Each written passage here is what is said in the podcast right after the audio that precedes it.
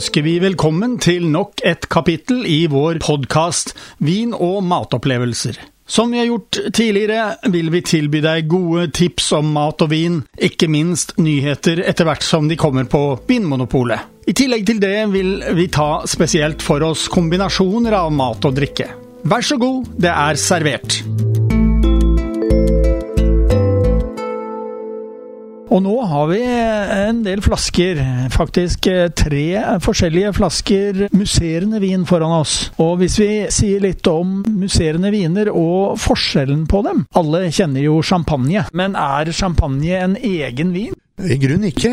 Det er mange viner som produseres på samme måte som eh, champagne. Jeg vil nevne at mange kjøper Cremant på Vinmonopolet. Flaskene ser omtrent lik ut som champagne. Den produseres på samme måten, bare at de kommer fra andre områder i Frankrike enn fylket champagne. Og de er produsert på samme måten, annengangsgjæring på flaske.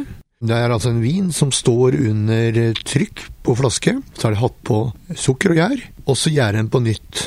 Og så gjennom en prosess så får man ut reststoffene som er igjen etter den prosessen, som er litt sånn ja, reststoffer. Og det setter sin preg på de franske musserende vinene. Det er gjerne litt brød, litt kjeks, litt bakverk-aroma i de franske musserende vinene. Det som egentlig for forbruker er den største forskjellen mellom champagne og cremant, det er jo faktisk prisen. Men eh, champagne er jo, som du sier, eh, mye mer kostbar i de aller fleste tilfellene, ja, kanskje alltid, enn en, eh, ja, du nevnte kremant. Hvorfor det? Jo, det er jo, det er jo, en sånn spennende næringsstrategi her, egentlig, i dag, da.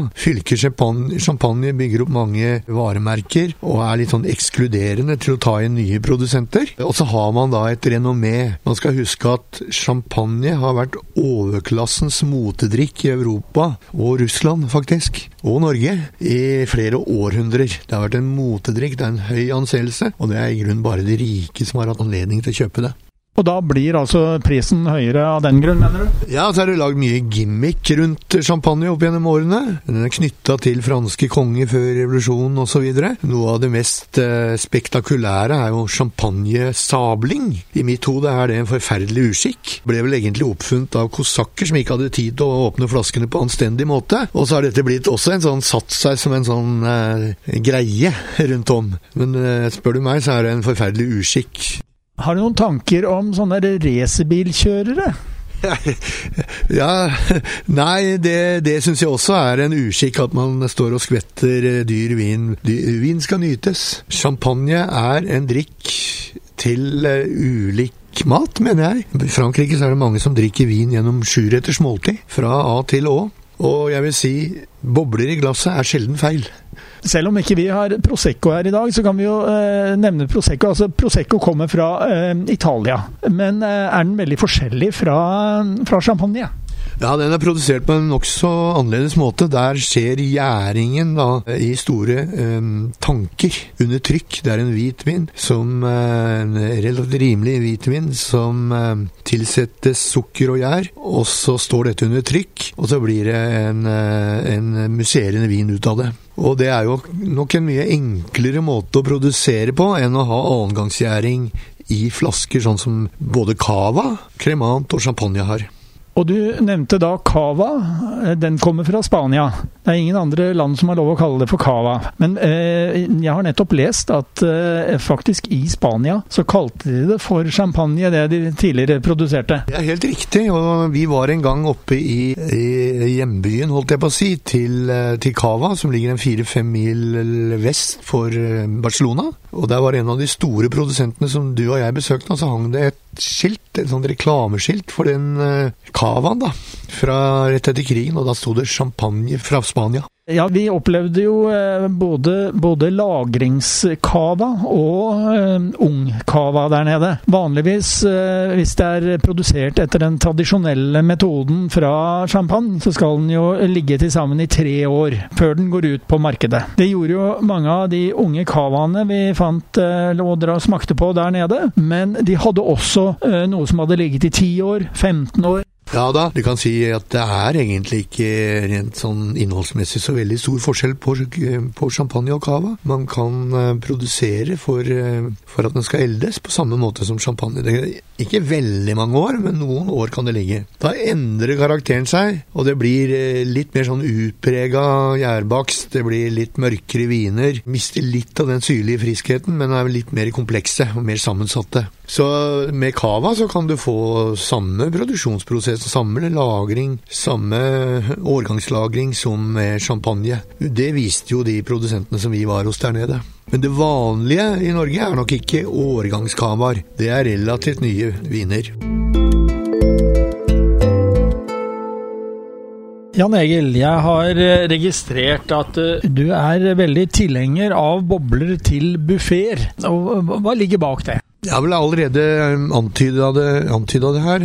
Det er, min konklusjon er at det er sjelden feil med bobler i vin. Og det får vi et eksempel på her. Her har vi prøvd eh, disse tre vinene vi har snakket om i dag, mot en bri med ganske kraftige saker, og vi har prøvd det også mot en litt sånn salt tapenade. Og alle tre vinene er jo høyst brukbare til eh, de veldig forskjellige rettene der. Og det som jeg syns også er tydelig her, at eh, man behøver ikke bare tenke Frankrike når det gjelder musserende vin, champagne og cremant. Det var en utmerket cava her, og vi har altså en eh, cremant-type fra Sør-Afrika som også sto veldig godt. Det var attpåtil en rosé kremanttype. Så um, tenk litt utradisjonelt. Jeg ville veldig lett kunne hoppe på, på en cava til den type mat som vi har her. Det var også en veldig anvinnelig øh, vin fra Sør-Afrika til mat. Og så har vi da en, en litt mer sødmefylt i denne kremanten fra Loire, som jeg tror også ville stå veldig bra f.eks. til jordbær. Aperitiff, det er jo bankers for alle tre? Jo, absolutt. Alle disse tre kunne være utmerkede, hyggelige eh, aperitiffer til en, eh, et måltid, en samling på altanen, sånn som vi har her. Og så har vi da eh, fisk og skalldyr, hva tenker du? Ja, jeg syns det blir veldig, veldig spennende både med denne cavaen og den sørafrikanske. Da ville jeg kanskje ha tenkt den eh, fine roséfargen som er i den sydafrikanske vi har prøvd, mot laks. Ørret. Og så er den eh, nokså tørr, denne mm, cavaen vi har prøvd. Seks gram sukker, var det ikke det? Til eh, si skalldyr, da. Tror det ville være fantastisk. Da sitter jeg igjen med ett spørsmål, og hvis vi tar utgangspunkt i det du har sagt, eh, hva er det som gjør eh, musserende viner så anvendelige? For det første blir jo, i hvert fall jeg, veldig sånn, på godt humør av å se flotte viner i, eh, med perler. det, det, skaper en stemning. Det har jo champagnen opp gjennom åra vært virkelig et medium for. Det å skape stemning. Man åpner, og det blir hygge med en gang. Så er det det som har vært inne på, at det er ikke for søtt. Dette her, det er eh, nokså tørt. Nokså mye syre som gjør at man håndterer litt fete sauser og sånt. Samtidig så har du enkelte her, sånn som den franske kremanten vi har prøvd, fra Loardalen, som har litt sånn sødme i seg som ville mm, kunne passe bra til bærdessert. Også når man er over på, mm, på, litt sødme i vinen, så kan jo det passe også bra til salt mat, da, for å balansere saltet. F.eks. spekeskinke. Norsk gjerne, for den saks skyld. Jeg er ikke noen tilhenger av sånn røyka, veldig salt spekeskinke. Den skal være litt Men det, du får en del norske varianter nå som ikke er så veldig prega av for mye salt, syns jeg. Som har litt mer i den stilen som Parma og de spanske. Og da, den, eh, denne krematen fra Loire tror jeg ville ha gått bra der. Men da kan vi kanskje konkludere med at uh, musserende viner, enten det er Cremant, kremant, det er cava eller andre, ja, sågar som uh, selvfølgelig, holdt jeg på å si, champagne, det kan brukes til mye mer enn nyttårsaften etter klokka 24 og på 17. mai. Nei, konklusjonen må være, etter denne samlingen vi har hatt her nå, Karl Erik, bobler er sjelden feil til mat.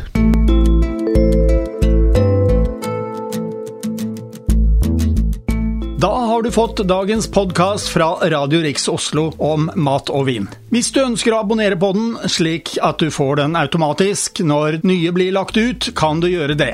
Lykke til! Kommende mandag får du neste kapittel. Vi høres!